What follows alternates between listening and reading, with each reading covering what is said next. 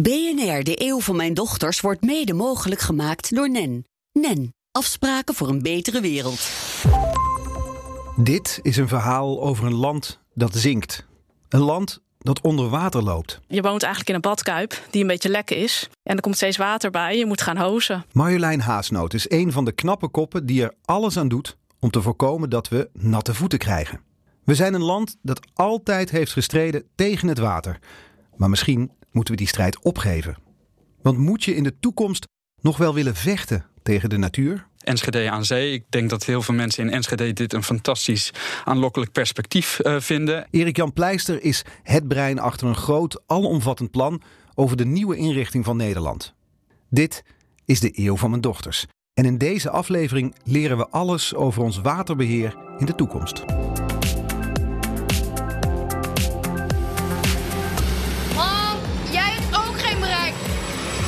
Lang duurt het om de Randstad te evacueren? Is dat een serieuze optie? Als we voor niks evacueren, dan vallen we terug in een grotere economische crisis dan we ooit gekend hebben. Die storm koerst recht op onze kust af. Wat is dit? Hoe kan dit? Wat stellen de deltawerken eigenlijk voor? Kijk, onder water. Kijk, onder water. Mijn tweelingdochters Puk en Keesje zijn 2,5 jaar oud. Zijn kinderen van de 21ste eeuw. Een eeuw waarin alles in beweging is. We leven niet in een tijdperk van verandering, maar in een verandering van tijdperk. Dit is de eeuw van mijn dochters. Uh, mijn naam is Marjolein Haasnoot en ik werk bij uh, Deltares en de Universiteit Utrecht. En ik doe daar onderzoek en advies op het gebied van uh, water en klimaat. Ik heb een hele concrete vraag. Ik heb twee dochters. Die zijn nu bijna 2,5. Uh, krijgen zij later natte voeten, mijn dochters? Goeie vraag. Um, maar als wij het uh, waterbeheer goed op orde houden, hè, zoals we dat nu ook hebben, een van de veiligste deltas in de wereld, dan uh, krijgen jouw dochters geen natte voeten. Maar ik hoor een als. Ja, dat klopt. Dat betekent dat het, als dat niet gebeurt, wel zo is? Nou ja, kijk, het uh, waterbeheer, daar, werken we al eeuwen aan. En dat moeten we ook goed op orde houden en aan blijven werken. En met name hè, omdat uh, allerlei omstandigheden veranderen. En uh, ja, als we dat niet doen, dan zal er steeds vaker water ons laag lege land binnenkomen. Elke week laten we wetenschappers uit het veld ons wegwijs maken in de komende eeuw. De mensen die de komende decennia gaan vormgeven. Maar wat betekenen alle veranderingen die op ons afkomen nou voor ons als mens? Daarover techniekfilosoof Peter Paul Verbeek. Hebben mijn dochter straks natte voeten? Uh, een hele rare vraag misschien, maar wel een hele relevante. De strijd tegen het water heeft volgens mij altijd al bij ons gehoord. Maar hij krijgt inmiddels wel een heel ander karakter. Want de zeespiegel stijgt veel sneller dan we dachten. En de deltawerken, waar we zo trots op zijn, beginnen in zekere zin achterhaald te raken. Hoe gaan we dat oplossen? Mijn naam is Peter Paul Verbeek. Ik ben filosoof van wetenschap en techniek aan de Universiteit Twente en co-directeur van ons Design Lab aan dezelfde universiteit. En dit zijn nou vragen waarvan ik denk dat we ze echt moeten stellen. Op een of andere manier hebben we de aarde altijd voor vanzelfsprekend genomen. dat is gewoon de basis waarop we leven. En opeens staat de aarde zelf uh, in de schijnwerpers. Uh, de temperatuur stijgt, de zeespiegel stijgt. En dat roept allerlei ethische vragen op waar we helemaal niet aan gewend zijn. Wie heeft er eigenlijk rechten als we straks land terug moeten geven aan de zee? Wie moet er verhuizen en wie niet? En hebben bepaalde natuurgebieden rechten die we nu beschermen en die we straks opeens onder water moeten laten lopen? Waar komt straks de nieuwe hoofdstad van Nederland te liggen? Misschien dat Enschede eindelijk de kans krijgt die, die Enschede verdient, denk ik. Hele grote vragen, denk ik, die allerlei vanzelfsprekendheden van nu ter discussie stellen. Dus ik ben heel erg benieuwd wat mijn collega-wetenschappers daarover zeggen. Utrecht aan zee. Een dagje aan het strand aan de voet van de Dom. Het zou zomaar werkelijkheid kunnen zijn als we geen dijken of deltawerken zouden hebben. Want dan zou een kwart van Nederland onder water staan. In de toekomst, met klimaatverandering, wordt dat meer. Maar moeten we eigenlijk rekening mee houden? Op dit moment houden wij rekening met een uh, zeespiegelstijging van tussen de 35 centimeter en 1 meter en 2100. Er zijn alleen aanwijzingen dat het mogelijk veel meer zou kunnen worden. En dus meer dan 1 meter. En misschien wel 2 meter en 2100. En dan moet je tegelijkertijd ook bij zeggen: het stopt niet in 2100, het gaat ook gewoon door. Dus dan blijft die stijging verder en verder en verder gaan. Dus als we in 2150 zitten, klinkt heel ver weg, maar is daar al iets over te zeggen? Nou ja, dan stijgt het nog verder. Dus ja, kijk, uh, als je rekening houdt met 1 meter en 2100, dan zal je op een gegeven moment, ja, misschien uh, 1 meter 20. Uh, nou ja, het, het, is een, een kwestie van tijd eigenlijk. Hè. Die 2 meter die gaat uiteindelijk komen. De vraag is wanneer. En misschien komt die in 2100, maar misschien 2150. En als we heel goed ons best doen met beperken van klimaatverandering, komt die misschien nog later. Maar oké, dan hebben we dus een, een zeespiegelstijging straks van een meter, mogelijk. Misschien wel twee meter. Het is lastig te voorspellen. Uh, maar die zeespiegelstijging van een meter of twee meter, kunnen wij dat aan? Nou, op dit moment bereiden we ons dus voor op die ene meter. En daar hebben we ook een uh, goed uh, plan voor gemaakt. Hè. In Nederland hebben we het Delta-programma. En die heeft ook als doel om Nederland voor te bereiden op de toekomst. Ook als die onzeker is. Dus wat we doen is uh, weer verkennen van de, van de toekomst. En we zeggen van nou, om goed voorbereid te zijn, moeten we op de korte termijn een aantal maatregelen nemen. En op de lange termijn hebben we een aantal opties.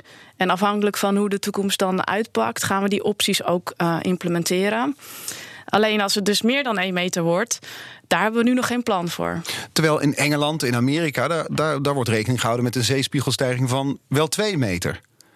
Zijn wij hier dan naïef of te conservatief? Uh, nou. Je moet erbij lachen. Goeie vraag. Nou ja, kijk. Um, Kijk, in Engeland uh, houden ze bijvoorbeeld bij Londen hebben ze ook al uh, verkend wat er zou uh, kunnen gaan gebeuren als de zeespiegel uh, 2 of 2,5 meter stijgt. Daar hebben ze ook al opties voor verkend. Het is niet zo ver hier vandaan, hè? Nee, zeker niet. Als het daar 2 meter stijgt, stijgt het hier ook 2 meter. Dus daar, zij hebben daar al een plan voor en wij nog niet. Maar we hebben ook nog tijd om dat te gaan verkennen. Hè. We zijn nu in, in 2020 en 2100 is nog ver weg. Um, dus wij hebben dat nog niet, maar we hebben ook nog tijd voor om daar goed naar te kijken. We moeten dat alleen wel gaan doen. Hè? Want bij stijgingen van meer dan 1 meter, dan. Um, ja, dan moet je wel gaan denken aan hele andere maatregelen dan wat we tot nu toe gewend zijn. We hebben al eeuwenlang zijn we aan het optimaliseren en fine-tunen van ons waterbeheer. Maar op een gegeven moment komt daar wel een beetje einde aan de rek daarvan.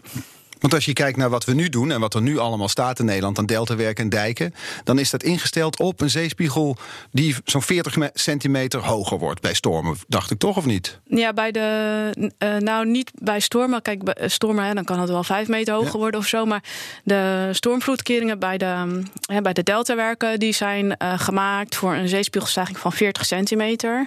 Ja, en, ik ben daar dus laatst een keer overheen ja. gereden. Die zijn al enorm. Ja. En dat is dan voor 40 centimeter. Dat klopt. Ze zijn heel indrukwekkend. En dat is voor 40 centimeter. Klopt, ja. Dus hoe moet dat dan als er straks een, een meter bij komt aan zeewater? Ja. Wat hebben we daar allemaal voor nodig? Nou, dan kun je dus denken aan verschillende opties. Uh, en één daarvan is dus het water uh, tegenhouden. En dan heb je dus ook weer te maken met dat soort uh, stormvloedkeringen. En die moet je misschien dan uh, hoger maken en ook uh, sterker. Nou, hoger en sterker, dan heb je volgens mij ongeveer de halve provincie Zeeland die je moet in, in, in, ja, bouwen als deltawerk. Uh, nou ja, kijk, als je, als je echt gaat voor het water buiten houden, dan zal je op een gegeven moment, ja, dan moet je de hele provincie Zeeland uh, beschermen en hogere dijken en keringen maken. Klopt. Het enorme dijken, enorme keringen. Wat, wat voor afmetingen hebben we het over? Um, ja, want als, als ik kijk naar wat er nu staat ja. voor 40 centimeter, dat, nou, dan moet dus twee, minimaal twee keer zo groot worden dan wat ja. er nu al staat. Ja, of misschien wel vier keer. Het hangt ook heel erg af van de levensduur. We, we, dachten dat we de Oosterscheldekering, uh, dat we daar zo'n 200 jaar mee vooruit konden. Maar dat is dus veel minder geworden. En het is juist zo met dat soort grote infrastructurele werken, die wil je gewoon in één keer goed bouwen. Maar misschien moeten we dus wel op een andere manier gaan bouwen. Iets wat veel meer flexibel en adaptief is. Zodat je ja, niet te veel en ook niet te weinig investeert. Hè? En dus ja, het is niet alleen dus veel groter, maar ook misschien ja, een beetje een soort Lego-blokjes, dat je ze steeds verder uh, ophoogt. Door het hele verhaal heen hoor ik dat de tijd van pappen en nat houden wel voorbij is. Alleen maar dijken verhogen en versterken, dat is niet houdbaar. We moeten kijken naar andere scenario's en radicale keuzes durven maken. En daar denken ze bij Deltaris ook al over na. Ja, waar we naar hebben gekeken is bijvoorbeeld uh, als je doorgaat zoals we nu bezig zijn. Hè, dat is uh, het water buiten houden en uh, het afvoeren en pompen van het water.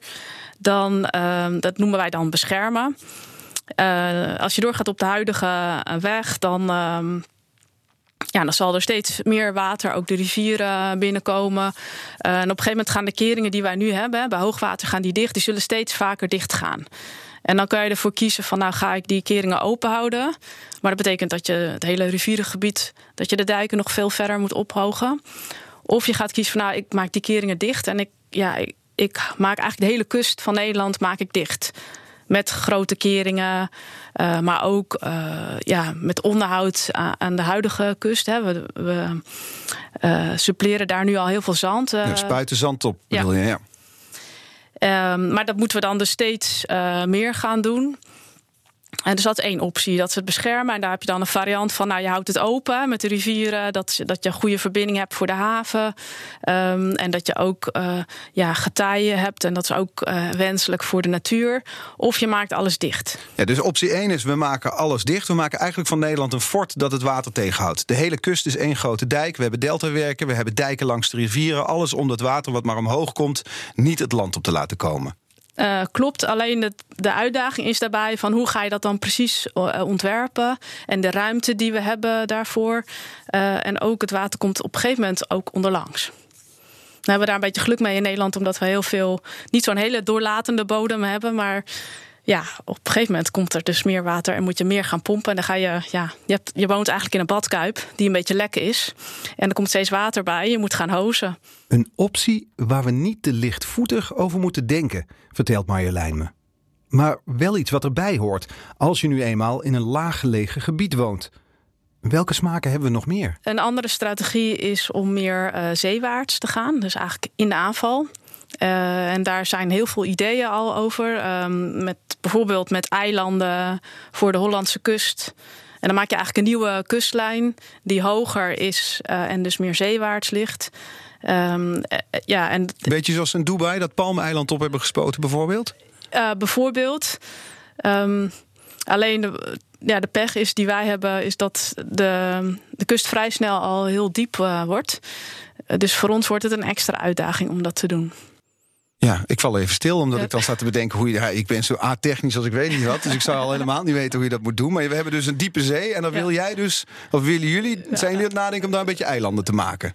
Uh, ja, nou is niet per, per, se dat wij dat willen. Wat, uh, nee, snap dat, ik, maar als een van de opties, zou ik maar zeggen. Als een van de, van de lijnen waar langs je Nederland kan verdedigen. Hebben we het dan over eilanden die lopen van Zeeland helemaal langs de kust tot aan Friesland? Ja, bijvoorbeeld de ideeën die er nu zijn, is vooral voor de Hollandse kust. Daar past het het, het beste. En, dan, en het is een uh, hele grote investering. Dus dat doe je vaak dan in gebieden waar je heel veel uh, socio-economische waarde hebt. Dus bij de Randstad hebben we het over dan? Ja. ja. De Randstad verhuist gedeeltelijk naar eilanden voor de kust. Nou ja, dat biedt wel meer mogelijkheden voor ontwikkeling, ja. Waar halen we dat zand vandaan? Voor al die eilanden? Uh, goeie vraag, want die eilanden, die, daarvoor heb je heel veel zand nodig. Uh, orde grootte, ja, zo'n 100 keer meer dan wat we nu voor de Maasvlakte 2 uh, hebben gebruikt. Ja. Ja. Dus. Waar is dat? Ja, en, het, en dus veel meer dan Dubai. Um, maar goed, ja, de, waar is die zand? Ja, we hebben de Noordzee en daar is heel veel zand. Alleen de kunst is om dat uh, eruit te halen. Uh, en we willen ook natuurlijk zand van goede kwaliteit. Uh, ja, dat zijn dus hele leuke ideeën, maar het is niet zomaar even uit te voeren. En daar moeten we goed naar kijken. Willen we dat doen? En ook mee experimenteren. Want ja, in zo'n diepe zee zoiets bouwen, dat is wel even wat anders dan wat we gewend zijn met de polders hè, die, we, die we al hebben gemaakt. Ja, de Flevopolders kinderspel bij wat we daar in de Noordzee zouden willen gaan doen. Ja.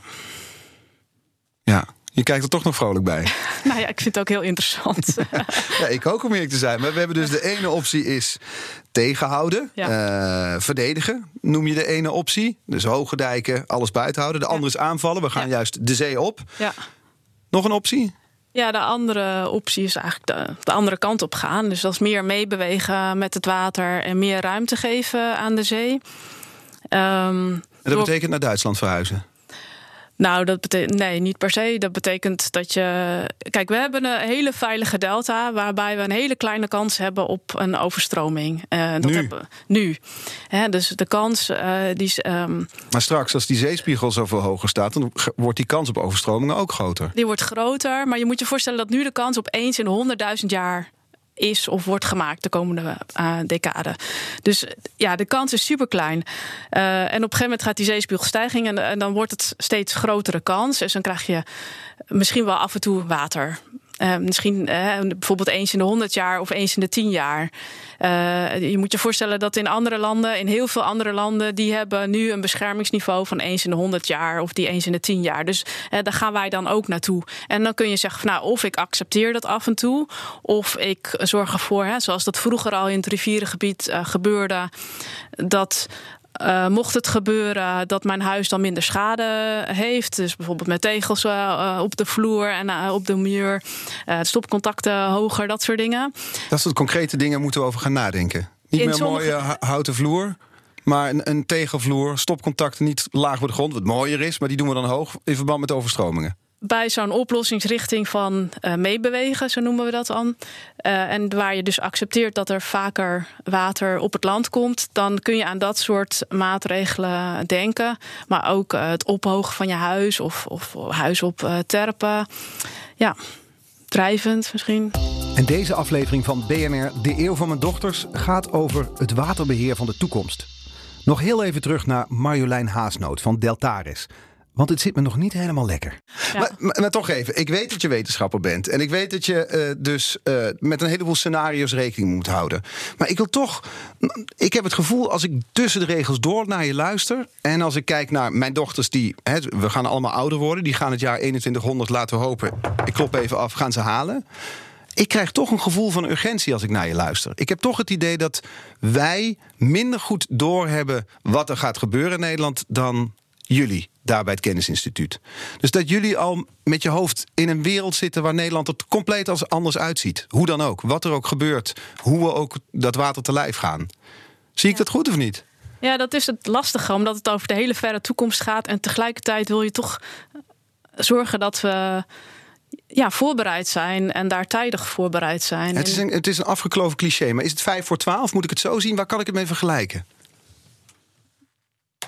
Ja, als je mij persoonlijk vraagt, dan voel ik inderdaad wel een soort van urgentie of een zorg. Nou, ik heb ook kinderen en ik wil ook gewoon dat die hier goed uh, kunnen blijven leven. En dat, dat het op orde is. En dat wij keuzes die wij nu maken, dat, ja, dat heeft gevolgen voor de toekomstige generaties. Dus dat we het ook netjes achterlaten. Dus in die zin ja, we zeggen wel van nou, we moeten ons ook voorbereiden. Anders dan ja, laten we hen achter met een niet voorbereid land. En dan hebben ze, ja, moeten ze hele snelle keuzes maken. En misschien maak je dan wel niet de goede keuzes of niet de keuzes die je had willen doen. Dan zijn we te laat.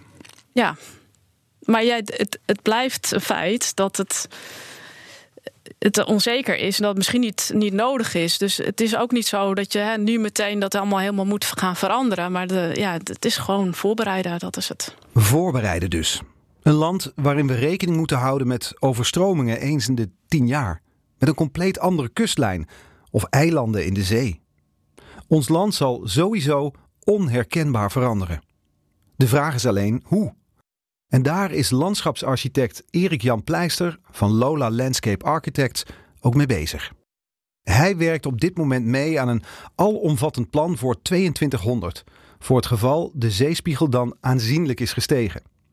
In dat plan ziet hij een groot deel van de Nederlandse bewoners verhuizen naar drogere gebieden. Een van de manieren die wij zelf onderzocht hebben, die ik gepresenteerd heb, is uh, om uh, eigenlijk met de natuur mee te gaan bewegen in plaats van er tegen te vechten. En meebewegen betekent? Dat betekent verhuizen. Meebewegen betekent eigenlijk dat we het systeem van dijken en dammen uh, verlaten. Dat we dat opgeven. En dat we op de meest logische plekken gaan wonen in het landschap. En dat is niet de plek waar we onder zeeniveau zitten? Dat zijn de plekken die hoger liggen dan het zeeniveau van de toekomst. Dus hoe ziet Nederland er dan uit? Um, nou, je kan je voorstellen, um, en daar, uh, ik denk dat dat heel interessant is om dit niet te zien als een doemscenario, maar een aanlokkelijk perspectief. Waarin je zegt van hé, hey, als wij met z'n allen naar hogere plekken in Nederland verhuizen, wat voor landschap ontstaat er dan? En kan er dan ook iets mooiers ontstaan dan het Nederland wat we nu hebben? Mm -hmm. En uh, wat ik me voor kan stellen is dat wij een Nederland hebben waarin uh, heel veel mensen in het oosten van Nederland wonen op de hogere landen, op de hogere gronden. Maar dat er nog steeds mensen wonen in het westen van Nederland. En het westen van Nederland is een heel nat natuurlandschap geworden. Een soort waddengebied. Maar een waddengebied waar, met, waar we met z'n allen ook nog steeds in kunnen wonen en werken. Op die manier, en dat doen we op een drijvende manier natuurlijk. Hè, dus dan uh, niet uh, zeg maar in verdiepte polders en achterdammetjes, maar we doen dat op een drijvende manier, eigenlijk samen met de natuur.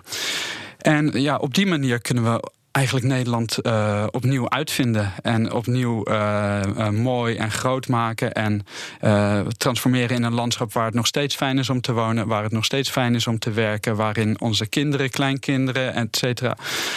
nog steeds enorm gelukkig worden. Alleen op een hele andere manier dan dat we nu gewend zijn. kun, je het plannen, kun je de kaarten omschrijven die je voor je hebt liggen? Want dat is het Nederland van een mogelijk Nederland van de toekomst. Ja, waar we naar kijken. De kaart die, die je hier ziet is een, eigenlijk een hele blauwe kaart. Um, heel veel water. Heel veel water.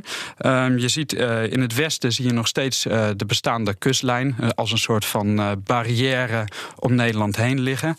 in, in het midden daarvan, daarachter ligt een hele grote lagune. Ik noem het altijd een lagune, omdat het laat zien dat het ook een heel mooi uh, uh, natuurlandschap kan zijn.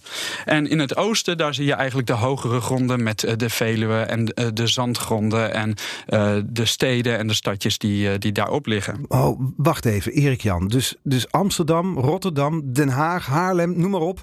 Ze verdwijnen in zee? Nou, uh, de, met elkaar die plannen maken betekent ook dat je met elkaar een discussie aangaat van wat je wil uh, behouden voor de toekomst en wat niet. Ik kan me heel goed voorstellen dat er de historische stadskernen en de beschermde dorpsgezichten, dat we met elkaar afspreken van nee, maar die vinden wij zo belangrijk. Wij gaan kosten wat het kost proberen om die te behouden voor de toekomst, voor de toekomstige generaties. Ik weet niet precies hoe we dat gaan doen, maar stel je voor dat we daar, dat dat de uitzonderingen op de regels zijn en dat we daar een uh, hele hoge dijk omheen zetten of een dam omheen zetten om die uh, eigenlijk uh, in, in stand te houden, ja. dan, dan is dat wat we met elkaar gaan doen. Dan is dat wat we met elkaar gaan organiseren. En het andere wat we gaan doen is eigenlijk organiseren hoe we in de toekomst gaan verhuizen. Hoe we dat met elkaar gaan doen. Want het is natuurlijk niet een operatie van eventjes je tas inpakken en naar het oosten gaan. Nee, daar zit een hele nieuwe ruimtelijke ordenings- en ontwikkelingsopgave van ja, waar gaan we wonen? Wat zijn dan die steden? Wat zijn dan die woningen? En ik kan me heel goed voorstellen dat, dat dit een, uh, niet een ramp is voor Nederland, maar een uh, nieuwe economische impuls oplevert. Namelijk die van de verhuisindustrie, de verhuiseconomie. Die moet je uitleggen, verhuisindustrie. Nou, wat ik al zei. Um, Nederland is niet de enige laaggelegen delta ter wereld. Uh, er zijn er uh, tenminste 33 grote laaggelegen delta's in de wereld. En die delta's dat zijn hele aantrekkelijke gebieden om te wonen. Dat zijn ze altijd al geweest, want het ligt uh, aan de kust. Het is goed bereikbaar uh, ten opzichte ook van het achterland. Er zijn vruchtbare gronden. Dus er zijn heel veel steden zijn er in die delta's ontwikkeld. Maar die delta's die kampen bijna allemaal met dezelfde problemen. Namelijk de problemen van overstroming, van zeespiegelstijging en van bodemdaling. Uh, je ziet dus ook al dat Jakarta bijvoorbeeld, de hoofdstad van Indonesië, uh, officieel al is gezegd van die gaan we verplaatsen. Het is niet meer houdbaar op deze plek om deze miljoenenstad uh, hier te blijven behouden. We gaan een andere plek opzoeken. En dat is ook iets wat we in Nederland zouden moeten overwegen, Precies, zeg je. En dat resulteert in dus de vraag van ja, maar hoe gaan we dat met elkaar organiseren? En je kan je voorstellen dat daar weer hele, dat daar veel bedrijvigheid om uh, omheen kan ontstaan. Ja, maar dat betekent toch nog even, als ik naar die kaart kijk, we, we gaan toe naar een Nederland mogelijk waar Enschede aan zee ligt. Ja, mogelijk.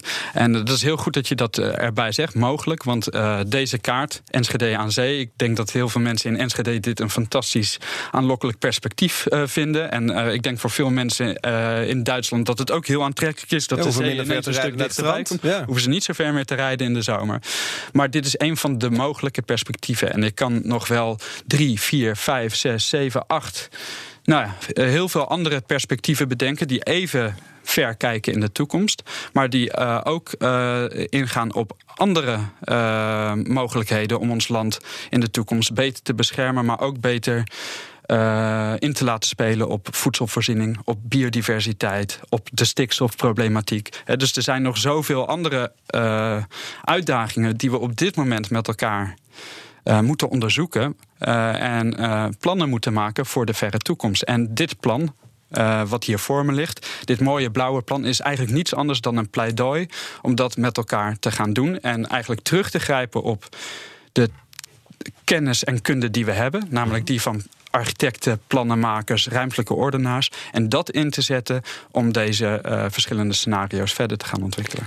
Oké, ik snap het in theorie. Want vanuit landschapsarchitectuur bedacht is dit natuurlijk een fenomenaal vraagstuk om mee bezig te zijn. Absoluut. Word je enthousiast van? Absoluut. Maar nu kijken we naar die miljoenen mensen die in de Randstad wonen. Nieuwbouwwoning gekocht, zonnepanelen op het dak. Die moeten allemaal weg. Nee, nee, nee, nee, nee. Dan begrijp je het verkeerd. Want, uh, Al die mensen die in de Randstad ja. wonen, moeten toch naar het oosten van Nederland als Ja. we zeggen dat het hier blauw gaat worden. Ja, maar gelukkig hebben we nog even de tijd. Ja. En daarin zit eh, precies eh, de crux. We hebben nog veel tijd. Ehm, de, de zeespiegel die stijgt wel sneller dan normaal, maar niet zo heel snel. Dat betekent dat we hier nog op in kunnen spelen. Mhm. Dus dat we de tijd hebben om die plannen voor de toekomst te ontwikkelen. En eigenlijk ook een routekaart naar die toekomst eh, eh, met elkaar vast te stellen. Ja, En- snap ik. Maar wacht even. Je hebt nu mensen die wonen in de buurt van Amsterdam, Rotterdam, waar dan ook. Die wonen in een huis. Ja. En dan komt er een landschapsarchitect en zegt... ja, het is niet houdbaar hier. Op den duur zullen we met z'n allen toch naar het oosten toe Dus moeten. de dochters van die mensen die net een huis hebben gekocht, die gaan, zijn misschien bewuster van wat de toekomst gaat brengen. En die zullen wellicht zeggen van nou, weet je wat, misschien is het verstandiger om eh, op de Utrechtse Heuvelrug te gaan wonen. En gaan dat doen. En misschien de kinderen daar weer van zullen zeggen, nou weet je wat, papa en mam, wij gaan verder naar het oosten, want ik zie het al gebeuren. Men heeft het over zeespiegelstijging en, eh, en een nieuwe lagune in het westen van Nederland.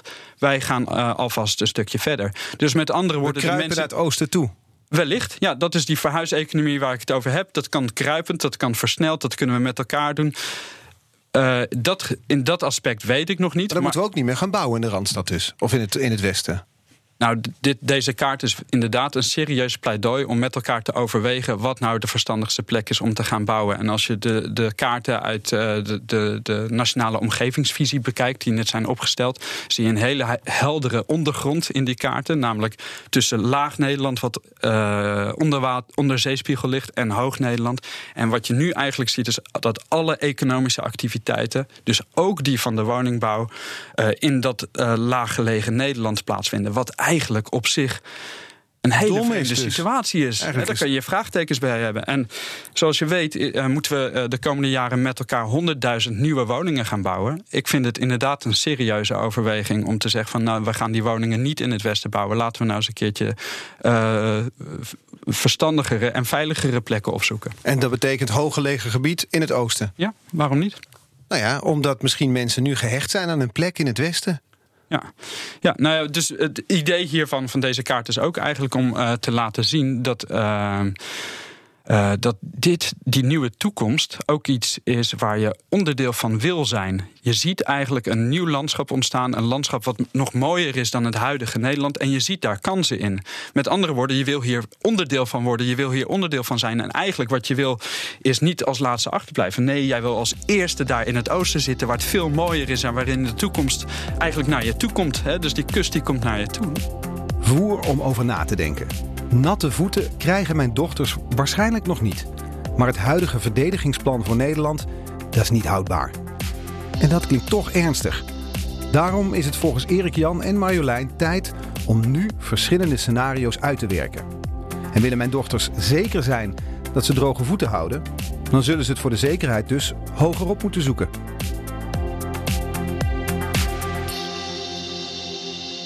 BNR, de eeuw van mijn dochters, wordt mede mogelijk gemaakt door NEN. NEN, afspraken voor een betere wereld.